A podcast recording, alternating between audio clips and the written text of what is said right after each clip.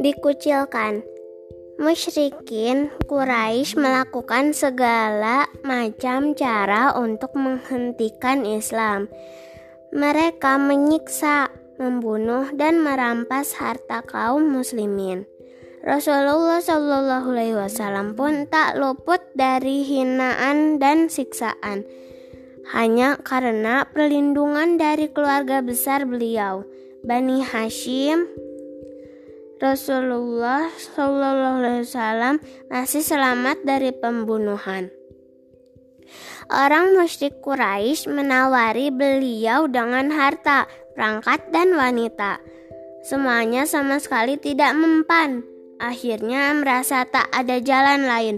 Mereka pun mengucilkan Nabi Shallallahu Alaihi Wasallam dan kaum muslimin. Dibuat kelaparan. Dikucilkan itu berarti dibuat mati. Kelap, kelaparan bila mungkin. Nabi Shallallahu Alaihi Wasallam, keluarga beliau dan kaum muslimin diusir dari Mekah. Mereka pun pindah ke dekat situ dalam sebuah pemukiman kecil milik Bani Hashim.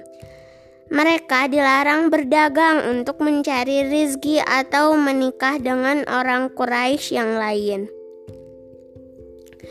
Piagam yang sangat kejam. Para pembesar musyrik di Mekah membuat piagam resmi yang isinya melarang setiap orang berhubungan dengan kaum muslimin.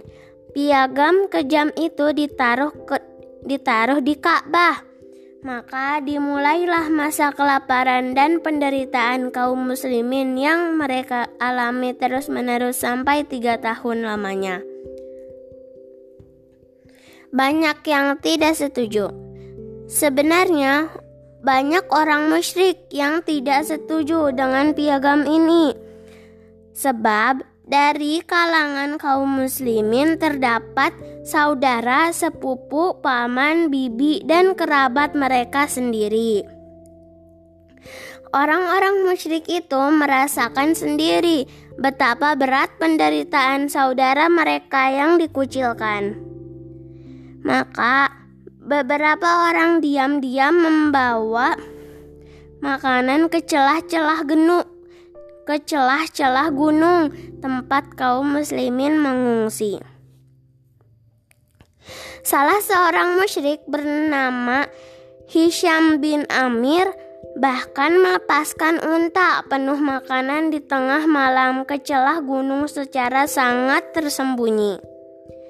Itulah bentuk pertolongan Allah. Bila tidak ada tindakan-tindakan demikian, Tentu kaum muslimin sudah musnah karena kelaparan. Dibatalkannya piagam pengucilan karena tidak tahan lagi melihat penderitaan kaum muslimin, beberapa tokoh Quraisy seperti Hisham bin Amir, Zuhair bin Abi Umayyah, Abu Abu al-Bakhtari, dan beberapa yang lain berniat merobek piagam pengucilan. Namun, sebelum mereka merobeknya, rayap yang dikirim Allah Subhanahu wa taala sudah lebih sudah lebih dulu memakan habis lembaran kejam itu.